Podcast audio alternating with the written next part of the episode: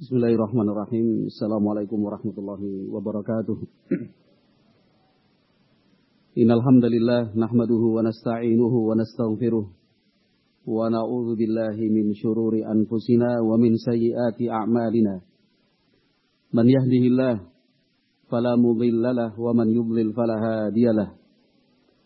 Ashhadu an la ilaha illallah wahdahu la syarika وأشهد أن محمدا عبده ورسوله لا نبي بعده.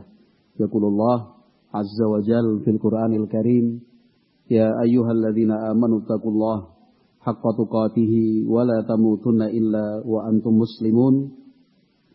فإن أصدق الحديث كتاب الله وخير الهدى هدى نبينا محمد صلى الله عليه وسلم وشر الأمور محدثاتها فإن كل محدثة بدعة. Wa kulla bid'atin dhalalah wa kulla dhalalatin finnar. Ma'asyiral muslimin ikhwati fillah rahimakumullah. Alhamdulillah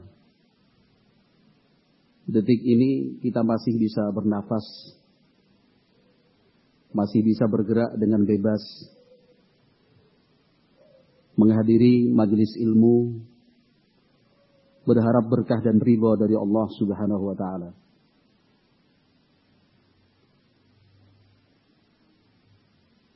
Kita pun mesti bersyukur kepada Allah Subhanahu wa taala karena nikmat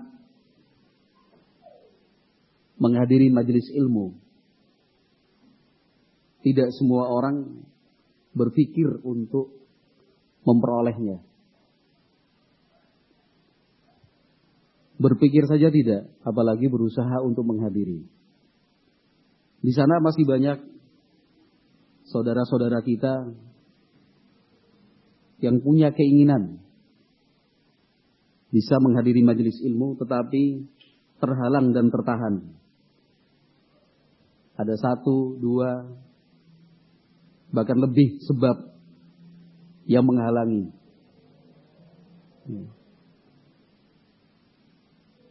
Sesuatu yang terjadi di luar harapannya. Pujian baginya ingin beribadah, mau beramal saleh, tapi ada penghalang. Alhamdulillah kita dilancarkan dan dimudahkan oleh Allah Subhanahu wa taala. Dengan menghadiri majlis ilmu seperti ini, kita akan terus diingatkan bahwa kehidupan di dunia itu waktunya terbatas. Jangankan untuk hidup selama-lamanya. Mencapai usia di angka 100 tahun pun belum tentu bisa. Dengan aktif menghadiri majelis ilmu, harapannya kita semua tersadar bahwa kehidupan dunia apabila dibandingkan dengan kehidupan akhirat itu sangat singkat. Sepanjang apa pun usia seseorang. Mau berumur sampai 100 tahun, 120 tahun, 150 tahun. Mungkin manusia tertua di dunia. Sudah mengalami banyak peristiwa. Orang menilai dan memandang sudah cukup lama hidup di dunia. Tapi tetap saja itu singkat. Apabila dibandingkan dengan hari-hari berat pada saat bangkitnya kiamat. Nah itu manfaat kita menghadiri majelis ilmu. Sehingga masing-masing menyadari posisinya, statusnya, sebagai hamba yang telah diberi kesempatan oleh Allah Subhanahu wa taala mempersiapkan bekal untuk menghadapi perjalanan yang sangat panjang dan jauh. Ikhwati rahimani wa rahimakumullah. Seorang ulama tabi'in mukhadram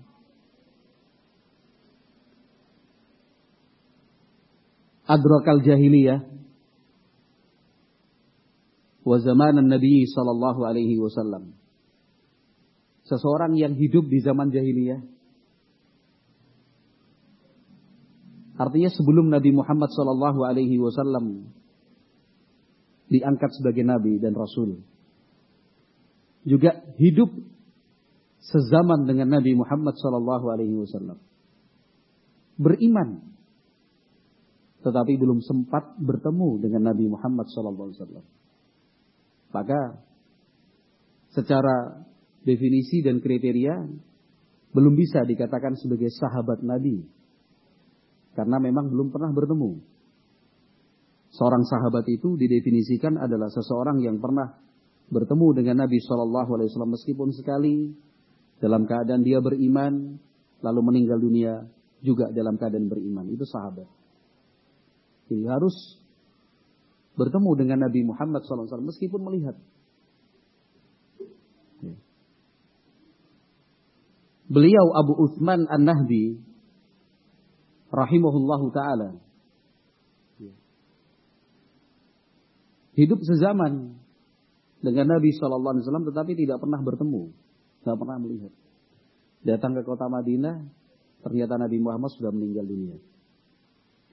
Beliau bercerita untuk kita.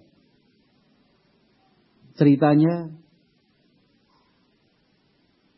membuka dan juga menyingkap hakikat apa yang kita alami dan yang kita pikirkan selama ini.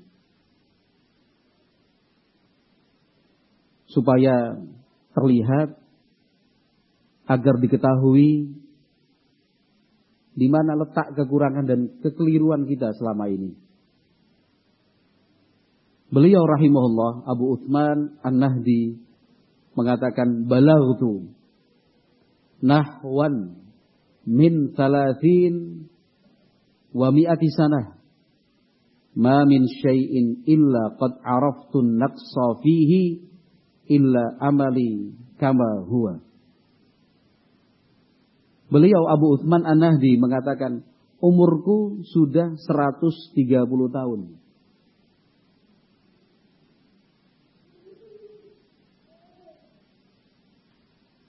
Semuanya yang ada pada diri saya, tidak ada satupun kecuali saya bisa merasakan berkurang. Iya. Orang kalau sudah lanjut usia kan pasti fungsi-fungsinya berkurang. Melihat sudah mulai rabun, mendengar kurang apa respon. Kekuatan fisik berjalan, mengangkat, mendorong, ya, daya ingat, ya, gigi, ya. 130 tahun. Kan fungsi-fungsi organ tubuh itu pasti mengalami penurunan. Nah, itu siapa Abu Utsman An-Nahdi, 130 tahun. Jangankan 130 tahun, ya kan? Kita yang sudah 40, 50 harusnya sudah bisa merasakan itu tua ya. Ya kan? Biar katanya paling gagah, ya kan? Sekarang siti boyoan. Merasa tidak kuat lagi untuk duduk lama. Ya. Mengkonsumsi makanan tertentu sudah langsung sakit-sakit kakinya. Ini biasa murah itu. Ya, kan? Minum minuman dingin es barangkali itu sudah tulang-tulangnya kayak kesetrum itu. Betul mantun kalau mas, betul apa pak? Wah ini kalau minum es seperti ini udah kayak langsung kestrum gitu kayak kaku-kaku. Ngeras gitu Dulu kalau main di atas lapangan mengolah si kulit bundar ya. Oh, udah, napasnya 60 menit. Satu jam sampai 90 menit. Pokoknya kalau perlu nggak usah pakai istirahat. Babak satu langsung babak dua. Nantang. Iya. Pokoknya yang lainnya sudah ngos-ngosan ini masih kuat. Wah hebat ya. Tapi mau sampai berapa lama hebatnya itu? Mau saat, saat, saat, ya nggak mungkin. Ada saatnya ketika kita harus menyadari iya kekuatan saya sudah mulai berkurang. Iya kan? Oke lah, masih kuat berlari 90 menit seperti masa muda. Tapi efeknya beda. Kalau masih muda, berlari terus selama 90 menit, ya kan? besok pagi masih bisa beraktivitas biasa. Tapi sekarang, yuk kuat 90 menit. Tapi sesuai lempoh ya kan. Kerja bakti Pak ngacar ning Banjar Dawa. Wah, aku mau bengi namplek. Misalkan. Tahu namplek gak? Oh ya badminton ya kan. Namplek tengah jam 12 minggu sawah aku pegel-pegel. Padahal zaman 6 noman mbiyen masalah udah namplek sampai jam 12, pulang ke kampung, lihat orang ronda gabung sampai sebelum subuh, ya kan. Pada subuh wis notoni telur puyuh mau dijual ya kan. Nanti jam 8 kerja bakti di kampung orang orang bilang orang udel. Ya. Maksudnya nggak kenal rasa rasa lelah, nggak kenal rasa capek. Dan seterusnya lah. Ya. Jadi mestinya kita juga sudah bisa merasakan seperti itu. Nah. Tapi beliau rahimahullah memang sengaja menyebut angka 130 tahun itu karena yang ingin disampaikan bukan itu. Tapi di akhir kata, di akhir kalimat bijaknya rahimahullah beliau mengatakan illa amali kama huwa. Jadi beliau mengatakan umurku sekarang itu sudah 130 tahun. Ya. Saya itu sudah 130 tahun. Semuanya saya rasakan sudah mengalami penurunan fungsi. Ada pengurangan di sana. Kecuali angan-anganku masih sama seperti yang dulu. Nawangan-angan ya. Keinginan. Nah. Ya kalau bahasa sekarang apa namanya? Gede, karep, gitu. Apa? Pripun? Ati karep, tenaga tipet. Itu sudah. Iya, iya. Sing jawab Abu Hudzaifah atau Pak Widi atau sama-sama dua-duanya bareng. Bisa ngerasa kayak sudah. Iya. Jadi ati karep tenaga apa Abu Dhaifah? Cepet. Itu itu. Iya? Jadi keinginannya kata beliau, ulama besar loh. Ulama besar. Tadi saya sebut di dalam mukadimah kan membuka, menyingkap hakikat apa yang kita alami dan hakikat apa yang kita pikirkan sebenarnya sama. Yang namanya angan-angan itu tidak akan pernah berhenti. Bahkan terus bertambah. Ya. Yang dimaksud amali, angan-angan itu ya urusan keduniaan. Ya. Urusan keduniaan. Walaupun sudah tua 130 tahun masih ingin apa namanya membuat karya, ya kan? Membuat karya. Dia ngurusi ternak, ya kan? mengembangkannya, urusan bisnis, membesarkannya, ya kan? Pengen bojo meneh, ya kan? Ya sah-sah saja, ya? Kita tidak membahas hukumnya halal, haram, sunnah, mubah. Tapi yang kita tekankan di sini adalah keinginannya itu tidak pernah berkurang. Masih saja punya keinginan, keinginan, keinginan. Sekali lagi, saya tidak membahas tentang hukum apa yang diinginkan. Tapi keinginannya itu sendiri yang tidak pernah habis dan tidak pernah putus. Artinya walaupun tambah tua, tambah tua, tambah tua, tambah tua, ya keinginannya terus ada. Dan ini. Itu Abu Utsman An-Nahdi rahimahullah taala. Bagaimana dengan kita? Apa harus menunggu 130 tahun? Nggak nyanda kelihatannya ya. Wallahu alam. Mbah, pemimpinan Mbah. Yusmane pemimpinan Mbah. Lima tiga. Ya, ya, ya. ya. Lima tiga. Pak Yanto? Lima lima. Uh. Ada yang lebih tua nggak ini? Enggak, di, di atas Pak Yanto masa enggak ada? Mas Hasan berapa? Mas Hasan berapa? Oh, Pak Tiga, masih lebih tua Pak Yanto. Mbak, ini Mbak. Ini 67, Masya Allah. 67. Ini contoh yang hebat begini. Tambah tua, tambah maju ke depan. Ya, ya. Contoh, contoh yang baik begitu. Supaya tetap terdepan pokoknya. Iya, bukan tambah tua terus tambah mundur, mundur, mundur, mundur ke belakang. Jangan beralasan, alhamdulillah jet nom aku makannya duduknya di belakang. Tuh jangan gitu. Kudune ya sing tuwa ning ngarep apa ning sing nom kan gitu bukan. Ya sing tua-tua sing ngarep. Sing nom-nom sing pendengarannya masih kuat di belakang. Memang Nabi Muhammad sallallahu alaihi wasallam beliau pernah menjelaskan di dalam hadis Ibnu Abbas radhiyallahu anhuma yang diriwayatkan oleh Imam Al-Bukhari di dalam As-Sahih Lau kana libni Adam wadiyani min malin labtagha thalithan. Seandainya seseorang manusia maksudnya anak cucunya Nabi Adam. Seandainya seseorang itu sudah memiliki harta sepenuh dua lembah. Lembah itu artinya sebuah tempat ya kan, yang diapit oleh gunung kanan kiri. Itu namanya bawah Wadi. Bukan cuma satu lemari, satu lemari siti mas. Ya. Satu lembah. Itu Nabi mengatakan dua lembah. Jadi seandainya seseorang itu sudah memiliki harta sebanyak dua lembah, penuh lagi. Apa sudah merasa cukup? Terus keinginannya berhenti. Angan-angannya putus sampai di situ? Jawabannya tidak. Kata Nabi Shallallahu Alaihi Wasallam, labtara salisan. Pasti lamnya menunjukkan seperti itu. La, lam pendek. Labtara salisan. Pasti masih ada keinginannya untuk bisa menambah harta supaya jumlahnya menjadi tiga lembah penuh lagi. Iya. Kalau kita di Indonesia, Contohnya banyak sekali. Iya. Yang sudah pengusaha-pengusaha, sudah jalannya pakai tongkat, ya kan?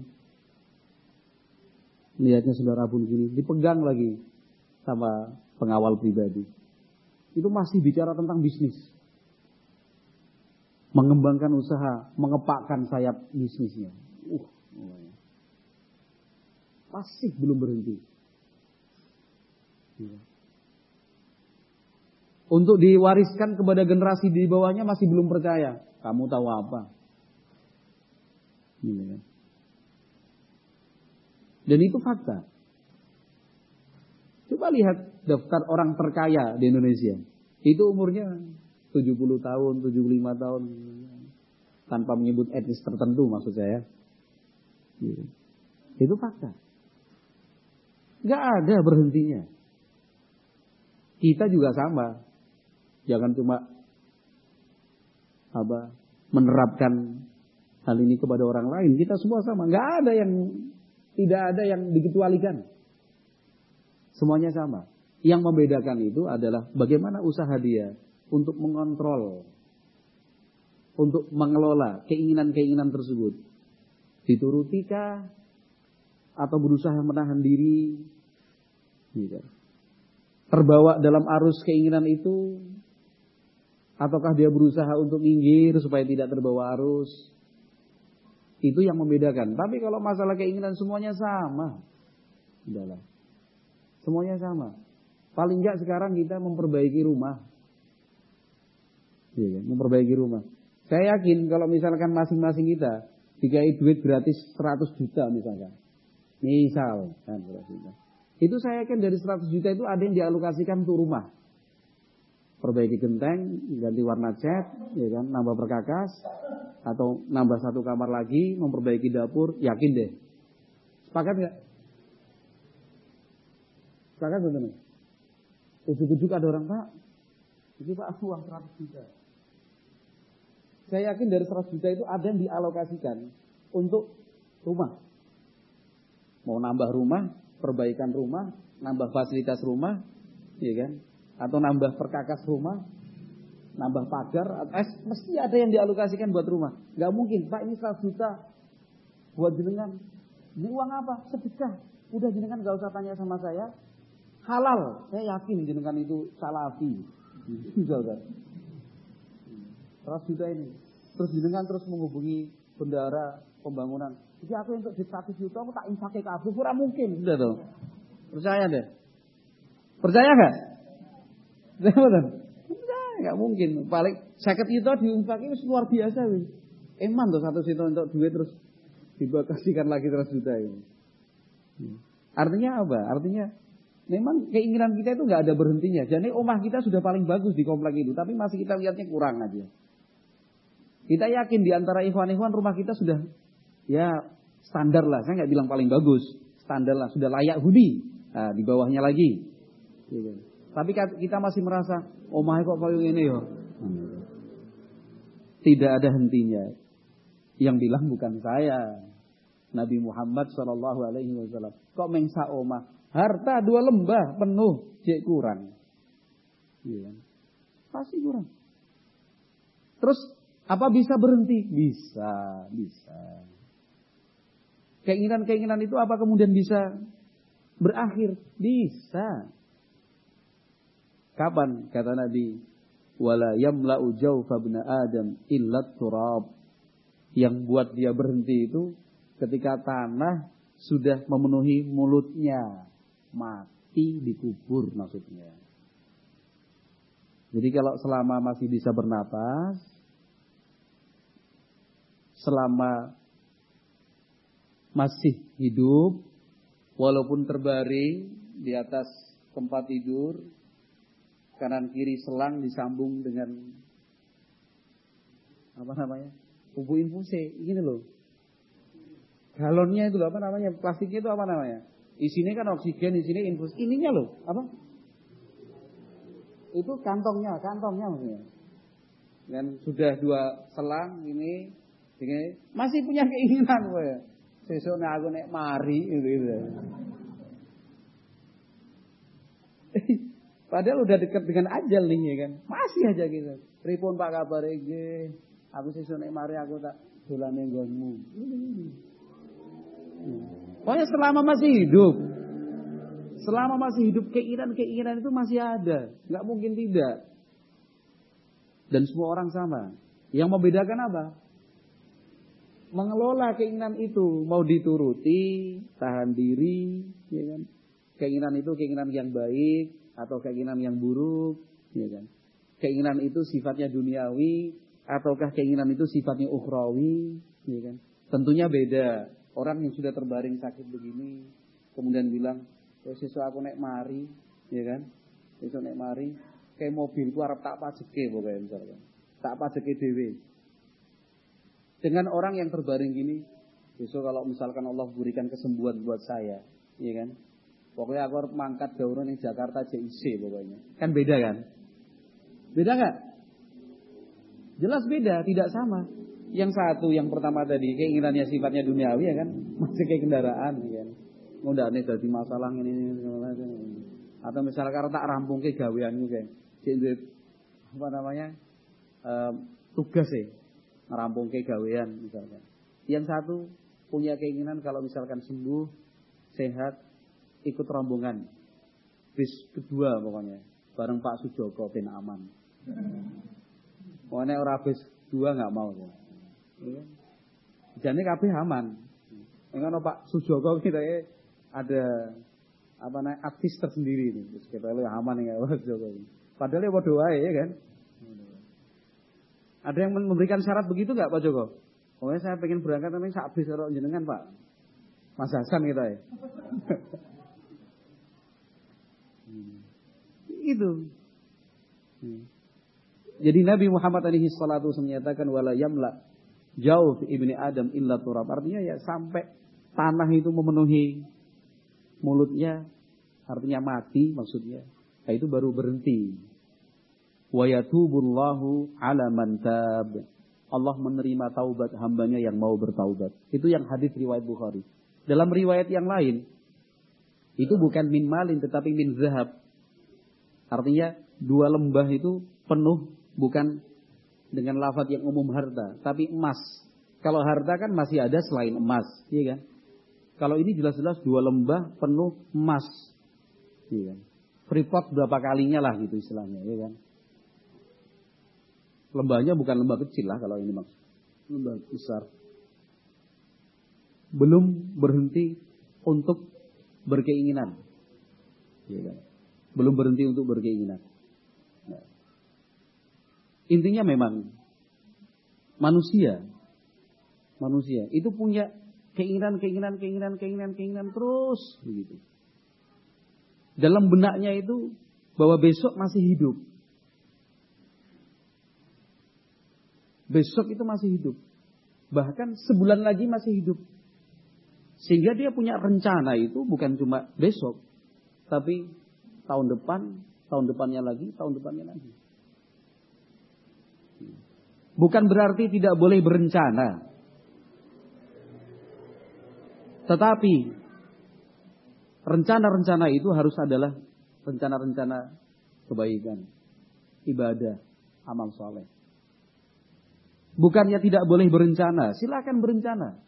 Jangka pendek dua tahun, jangka menengah lima tahun, jangka panjang sepuluh tahun. Iya kan? Pondoknya udah selesai, mandiri. Iya kan? Ada unit-unit usaha yang dikelola. Iya kan? Sehingga kegiatan dalam satu tahun itu sudah jelas ya. pendapatan dan pengeluaran sudah ada dalam rancangan. Itu target kita ke depan 10 tahun. Silakan asalkan itu kebaikan. Yang kedua, silakan berencana. Asalkan tidak membuat lalai. Yang dimaksud tidak membuat lalai itu apa? Halah cek suwe kok. Masih lama kan, seminggu lagi kan. Itu yang nggak boleh. Namanya taswif. Mengucapkan saufa, nanti, besok, sok ben. Kan tomorrow. Next time. Kapan? Sesok-sesok lah, gampang lah. Padahal mestinya bisa dilakukan saat itu. Allah subhanahu wa ta'ala berfirman dalam Al-Quran. Menjelaskan tentang kondisi mereka. Kebanyakan orang. Wala tajidannahum ahrasan nasi ada hayatin. Orang-orang Yahudi, bahkan orang-orang kafir, musyrik, secara umum mereka seperti itu. Wala tajidannahum ahrasan nasi ala hayatin. Sungguh-sungguh engkau akan mendapatkan mendapati mereka orang yang paling berambisi untuk tetap bisa hidup di dunia. Dalam benak dan pikiran mereka itu bagaimana bisa hidup survive.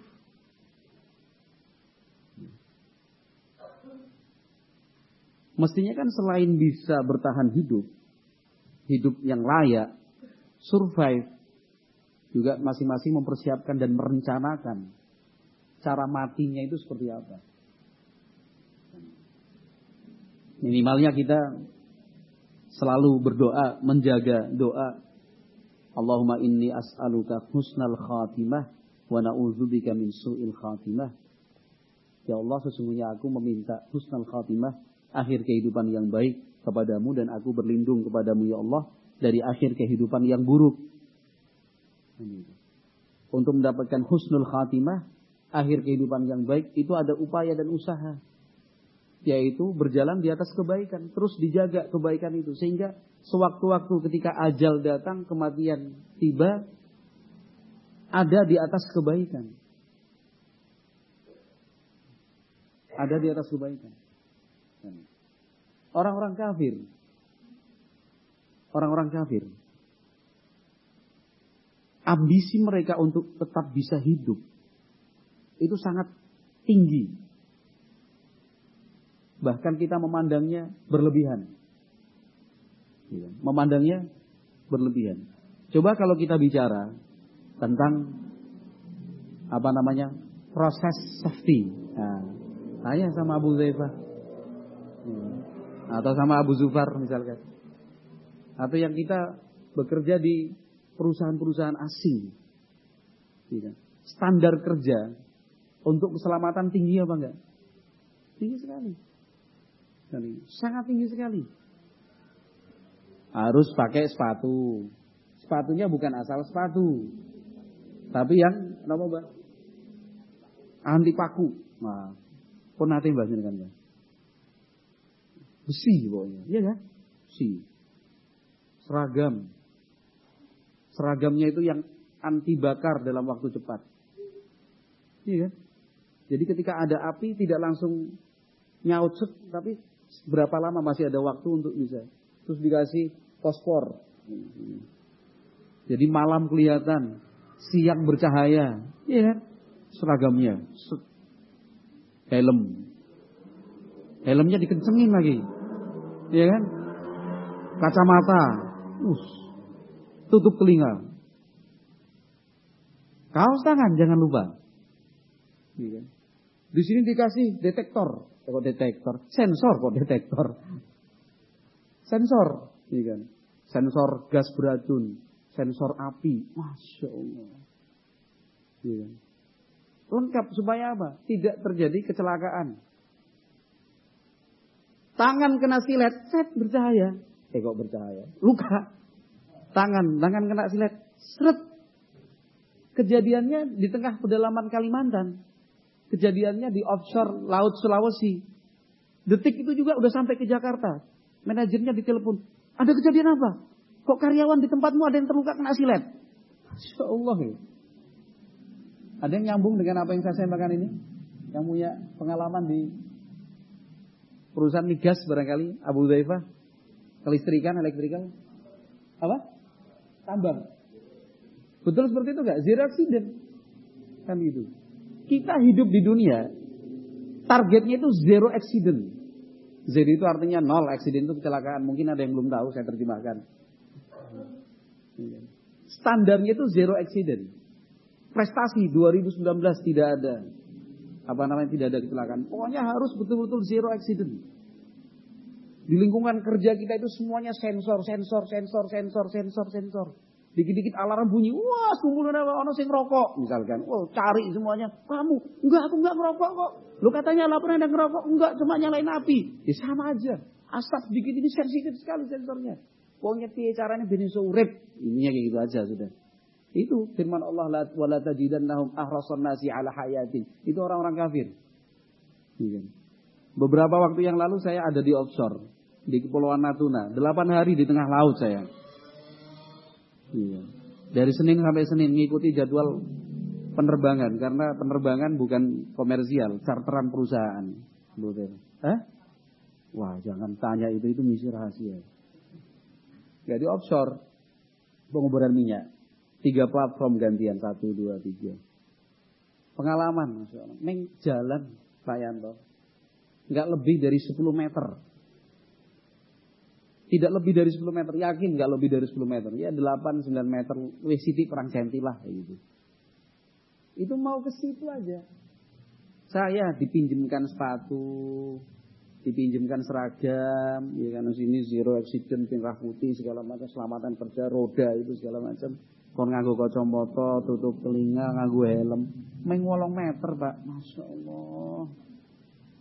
Karena tamu visitor katanya, harus dijaga. Ya sama juga dengan karyawan yang lain. Kan gitu. Kenapa? Daripada kita naik dua deck Ustaz, kan kita mau ke kantor situ. Kalau kita lewat sini, nggak usah pakai keselamatan kerja, alat perlindungan diri, APD itu ya kan. Tapi capek Ustaz, naik dua lantai, turun dua lantai. Mending kita lewat sini aja. Cuma segitu itu loh pintunya udah kelihatan. Tapi pakai seragam. Mbok gini-gini melayu sipil ayo iso jadi. Tapi ternyata tidak mau ada ke silakan. Tergores sedikit aja kata mereka manajemennya. Tergores sedikit itu Jakarta langsung tahu sudah ada sistemnya, aplikasinya. Langsung titit di telepon. Ada apa? Tuh ada karyawanmu yang kena paku. Insya Allah. Kita di pondok patah tulang anak main bola biasa wae, oh biasa. Orang main pondok kene pondok sing liyane yo ngono kok. Iya. Itu orang-orang kafir itu ahrasan nasi ala hayatin. Jadi ambisinya artinya untuk tetap bisa hidup itu tinggi sekali. Padahal kalau mau dibalik, Ya bukan mau dibalik, mau diikuti cara berpikir demikian. Nah kalau urusan dunia, kita tidak ingin ada kecelakaan. Sekecil apa pun itu. Kesalahan walaupun sedikit tidak ditolerir. Ya. Tidak ingin ada kecelakaan, tidak ingin ada karyawan yang terluka, tergores. Mestinya kan kita juga zero foul. Nah, kesalahannya nol. Jangan melakukan dosa. Jangan berbuat maksiat. Karena ini bukan cuma kemungkinan-kemungkinan terjadi kecelakaan kerja. Pasti neraka. Gitu. Urusan dunia kita pengennya zero accident, ya kan? Kesalahan sekecil apa pun nggak boleh dilakukan. Panggil. Ini urusan kita di akhirat dengan neraka. Asrapopo. Besok santai. Nah, misalkan. Itu manusia. Nah. Al-Imam Muslim rahimahullah meriwayatkan di dalam As-Sahih dari Mutarrif dari ayahnya. Kata beliau, "Ataitu Nabiyya sallallahu alaihi wasallam wa huwa yaqra'u alhaakumut takatsur." Kata ayahnya Mutarrif radhiyallahu anhu, saya pernah datang untuk menemui Nabi Muhammad sallallahu alaihi wasallam. Waktu itu beliau membaca surat At-Takatsur. Alhaakumut takatsur. At-Takatsur itu artinya ingin menambah lebih banyak, merasa paling banyak dibandingkan yang lain dalam hal apa pun itu. Merasa lebih banyak pengalamannya, merasa lebih banyak hartanya, merasa lebih banyak ilmunya, merasa lebih banyak temannya, merasa lebih lebih banyak apa anak cucunya, merasa lebih banyak wawasannya merasa lebih banyak kekuatan. Oh sudah. Itu membuat al-hakum. Al-hakum itu membuat mulalai. Terbuai. Gitu. Lupa. Qala yakulu ibnu Adam mali mali. Manusia, kita mengatakan itu milikku, itu hartaku. Iya. Itu rumahku, itu kendaraanku. Qala wa hal laka ya ibn Adam min malika illa ma akalta fa afnaita aw labista fa ablaita aw tasaddaqta fa amdaita. Hei anak Adam. Hei manusia. Apakah engkau tidak sadar? Engkau itu tidak punya harta. Engkau itu tidak memiliki apa-apa. Kecuali yang sudah engkau makan. Habis. Pakaian yang kau gunakan rusak dan usang tidak layak pakai lagi. Au tasaddaqta fa ambaita. Yang sudah engkau sedekahkan, selesai sudah. Jadi milik kita sesungguhnya hanya terbatas pada tiga hal yang disebutkan oleh Nabi Muhammad di dalam hadis ini. Selain itu belum tentu harta kita. Belum tentu milik kita yang sudah jelas-jelas tercatat sebagai milik kita adalah yang sudah kita makan sampai habis. Kalau belum kita makan simpan dalam kulkas, ya kan? Es dawet, dawet ireng dari Purworejo. Es beli segala macam simpen, wah nanti sore es pokoknya pulang dari kerja, wah seger. Pulang kerja dibuka, wis hilang. Diminum sama istrinya. Oh, kan bukan punyamu berarti milik istrimu itu. Iya kan? Itu contoh. Yang sudah dimakan, yang sudah diminum. Iya kan? Pengen makan enak, iya kan? Bandeng Juwono ini. Tanpa tulang, apa tulangnya sudah apa namanya? Lunak. Resto. Dan itu. Sip. Sambal khas Juwana. Dari pati, bukan pati ya dari pati. Ya, wah udah siap nu. Es. Wah siap. siap. Ini pas mau makan rotok kebelet siti ini. Wah, nggak nikmat nih makan seperti ini dalam keadaan kebelet. Masuk kamar mandi. Keluar-keluar sudah di bawah kucing. Mengenai kucing mas nungguanmu mas. Ya kan. Selama belum dimakan, belum tentu itu milik kita. Masih banyak kemungkinan-kemungkinan kemungkinan. Iya kan? Kita sudah bawa lotek satu bungkus pasti. Sudah beli. Dalam perjalanan pulang, kan pas mau masuk rumah ada pengemis datang. Pak nyuwun baring-baring. Den. Bukan Raden dipanggil Den. Iya kan? Den, nyuwun baring-baring Den. Tiga hari belum makan Den. Mungkin kan maksudnya tiga hari belum makan enak kali ya. Berlebihan dia maksudnya. Den, lapar Den. Iya.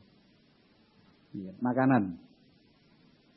Pokoknya kalau belum dimakan, itu belum tentu milik kita. Bisa jadi milik apa? Milik yang lain. Bisa jadi milik yang lain. Au labista ablaita. Pakaian juga sama. Pakaian yang sudah kita pakai sampai sobek-sobek, udah kemudian nggak layak pakai lagi, itu baru milik kita sesungguhnya. Tapi kalau masih layak pakai, masih baru, ada banyak kemungkinan kita kasihkan, diambil orang, iya kan? Hilang. Au tasaddaqta fa amdaita atau yang sudah engkau sedekahkan itu tercatat menjadi milikmu. Jadi hakikat orang yang bersedekah itu bukan hartanya yang berkurang. Mana qasat sadaqatun min malin kata Nabi sallallahu alaihi wasallam. Harta itu bukan berkurang kalau disedekahkan. Justru bertambah karena hakikat harta itu yang sudah disedekahkan. Debit kreditnya itu kita punya uang 10 ribu. Kita infakkan untuk beli seperempat sak semen misalkan. Iso memang seperempat sak semen kok yo. Apa ya kemudian panitia oh dengan kini niat infak ora to Pak, mosok infak 10.000 iki. Kan ya mampu nih 10.000 lho Mas tukang becak kok. Adanya di kantong 10 ribu. Misalkan 10 ribu. Ketika akhirnya diinfakkan. infak. Atau misalkan ada teman kita sedang sakit ingin kita beri tali asih misalkan oleh-oleh lah. Ya surunan yo yo urunan. dompet ketinggalan. Kan Walaupun di bawah ya rano isine misalkan, iya.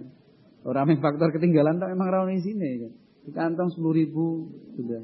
Akhirnya uang sepuluh ribu sudah misalkan. Apa kemudian statusnya harta kita berkurang sepuluh ribu? Jawabannya kan tidak. Karena yang sepuluh ribu yang disedekahkan itu dicatat sebagai pahala, sebagai kebaikan. Dan itulah harta kita sesungguhnya yang akan membantu, meringankan, menolong kita dalam perjalanan menuju akhirat dan di akhirat nanti juga demikian.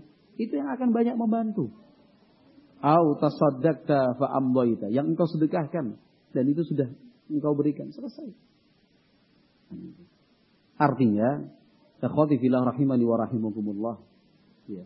Dari uraian singkat ini, singkat ya, atau tidak terlalu lama? dari uraian singkat ini yang ingin saya sampaikan barakallahu fikum bahwa inilah wajah manusia sesungguhnya.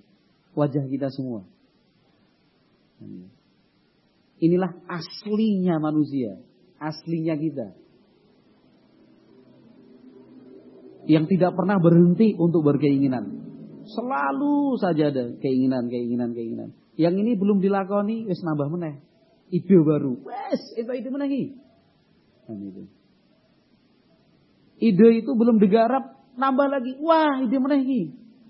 Kan itu. Enggak akan ada habisnya.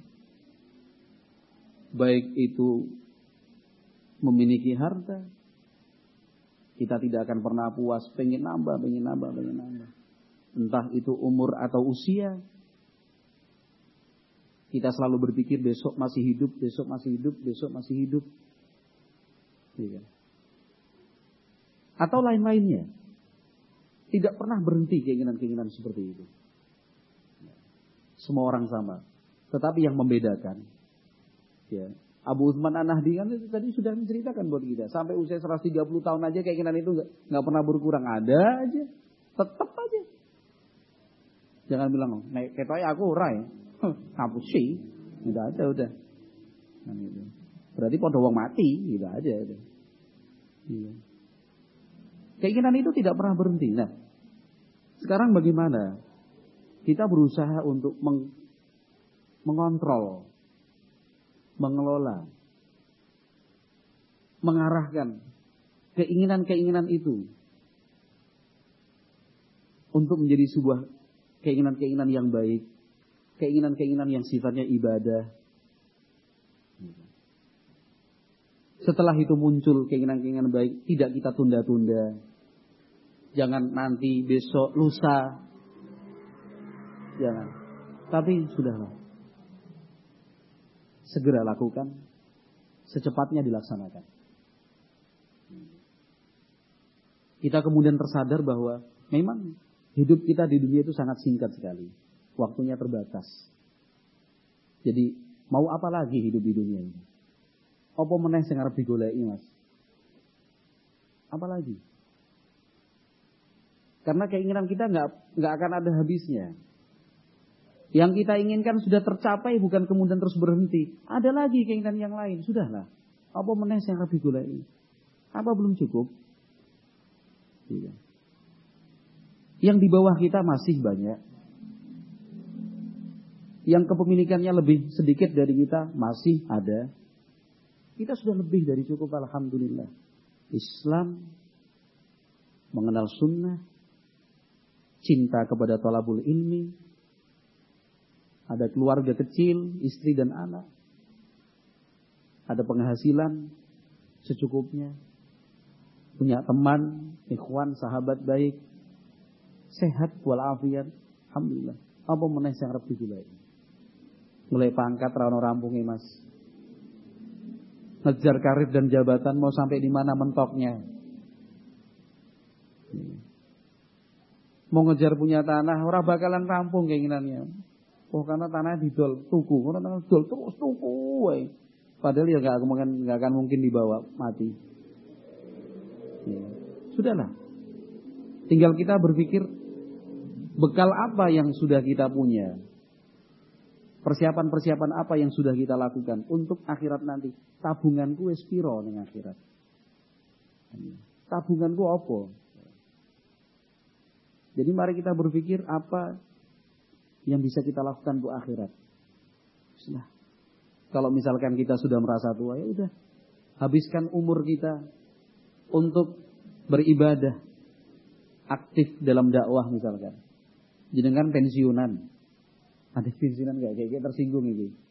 Ojo lah, ojo tersinggung ya. Ini. bukan pesanan kok, jangan. Berprasangka baik sama saya, nggih. Misalkan dengan seorang pensiunan atau misalkan seorang pengusaha sudah memutuskan sudahlah biar usaha dilanjutkan sama yang lain. Daripada bingung tiap pagi sampai sore di Ma'had Darul Hikmah Tambak Boyo. Ngopo? Nyapu halaman. Nyapu masjid, ngepel. Kalau ada anak-anak berkelahi bisa sudah waktunya belajar, ayo le masuk. Ini pensiunan atau yang sudah pengen berhenti kerja, udah resign. Itu, itu kan cita-cita mulia seperti itu. Kalau itu terus dilakukan, jangan dianggap kecil loh, jangan dianggap sepele. Inspirasi itu. Simba-simba. Heran. Eh jane ya wong sugih to. Lah iya. Kok gelem nyapu? Kowe mikir wong sugih gelem nyapu, kowe orang duwe masa ora gelem nyapu kan gitu. Karena apa? Dia sudah harusnya menyadari, wes cukup. Artinya kebutuhan hidup saya itu udah cukup. Tinggal sekarang saya nyari apa bekal di akhirat nanti. Nyapu. Nyapu pondok, masjid dan sekitarnya kelas itu berpahala apa enggak sih mas? Berpahala enggak? Kalau nggak berpahala jangan jadi pengurus. Buat apa kalau nggak ada pahalanya ya kan? Kita di sini kan karena mengejar pahala kan gitu ya. Kita nyapu, bersihkan masjid, vakum cleaner karpetnya, bersihin kipas anginnya misalnya. Ya lumayan sih ya. Lumayan. Sampai lah ya kan. Bagian azan ya. Wah, nggak bisa tajwid itu saat sudah belajar tajwid khusus azan. Nek pas azan tajwidnya apik mau Quran orang rapopo kan itu. Mau konsentrasinya Allah Allah Allah harus ditiru nada dan lafadznya udah bagus. Udah husnul khatimah. Insyaallah nikmatnya seperti itu, iya kan? Karena dalam dalam bayangan dan pikirannya Arab golek apa meneh, mau cari apa lagi sih? Apa yusra ya cukup? Apa belum cukup? Harusnya sudah bekal akhiratnya apa gitu. Udah mulai mikir, aku harap wakaf apa yo gitu. Aku harap sedekah infak apa ya kan itu.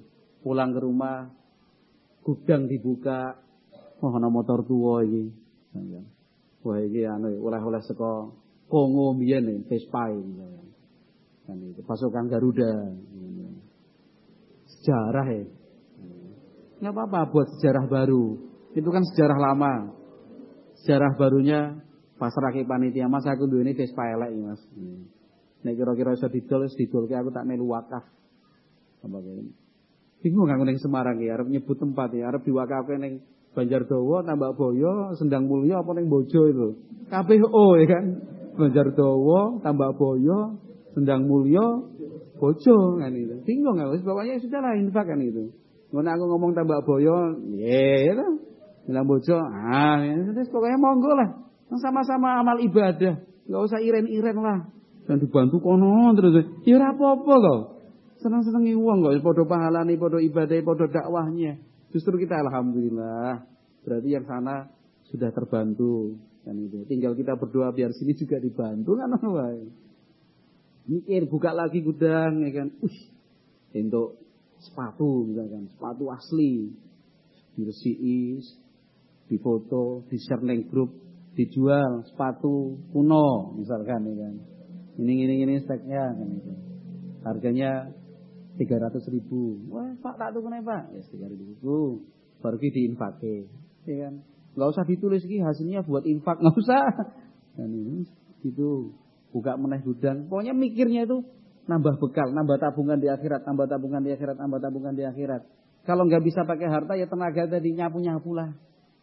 Iya. Atau jadi bagian penyambut santri. Nah, iya kan? Di gerbang itu masuknya jam berapa mas di sini? setengah delapan, jam tujuh kurang, eh jam tujuh lebih seperempat, sudah rapi, sudah wangi, depan gerbang sana sudah ini. Oh, iya. Karena ini santri datang ya kan, santri datang, masya Allah nih. Namanya siapa yang ujung mana? Loh, ditanya loh, siapa namanya? Apa? Afif. Afif, masya Allah Afif. Dan itu sudah apa sudah bersih, rapi, rajin. Ya, oh, jam tujuh perempat sudah datang anak di sini luar biasa. Ayo, nyambut santri. Sampingnya siapa namanya? Siapa? Rashid. Rashid itu loh. Putranya sih kan? Nugroho. Tuh, pikir engko ya. Ya bodoh ini kan? Anu Rashid, masa Pak Rashid seger ini. Tapi sholat subuhnya jamaah atau enggak? Kan misalkan. Jamaah Ustaz, mantap, bagus, bagus, bagus, bagus. PR-nya ada enggak? Ada Ustaz ya, bagus. Ini tuh. Raisa nganggo duit deh, kon nyumbang ra duit duit. Ya kan kan bisa jadi. Ya Allah itu luar biasa. Bantu pengurus, bantu pengajar untuk menyambut anak-anak. Jadi anak-anak yang sadar ini. Anak-anak yang belajar, anak-anak yang sekolah di pondok itu senang kenapa? Aku yang pondok aku disambut dengan senyum. Orang karo sapu gitu ya. Ini dengan senyum.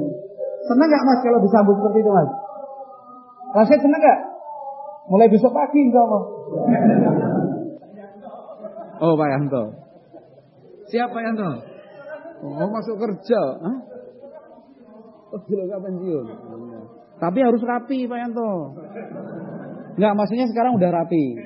Tapi iso tambah rapi lagi seger Pak. Insya senyum. Pokoknya piye caranya sebelum tampil itu lihat sih, uh kurang senyumnya gitu. Biar anak-anak nggak takut disambut senang. Nanti pas pulang sekolah dilepas hati-hati. Kalau ada PR dikerjakan. Yang berbakti sama orang tua di rumah dilepas anak-anak itu. Raiso pakai harta ya pakai tenaga, nggak bisa tenaga ya usul, ya kan. Saya usulnya gini. Wallahu alam bisawab. Mungkin cukup kita sam apa namanya sampai di sini aja. Mudah-mudahan bermanfaat. Subhanakallahumma wa bihamdika Asyhadu an la ilaha illa anta astaghfiruka wa atubu ilaik. Assalamualaikum warahmatullahi wabarakatuh.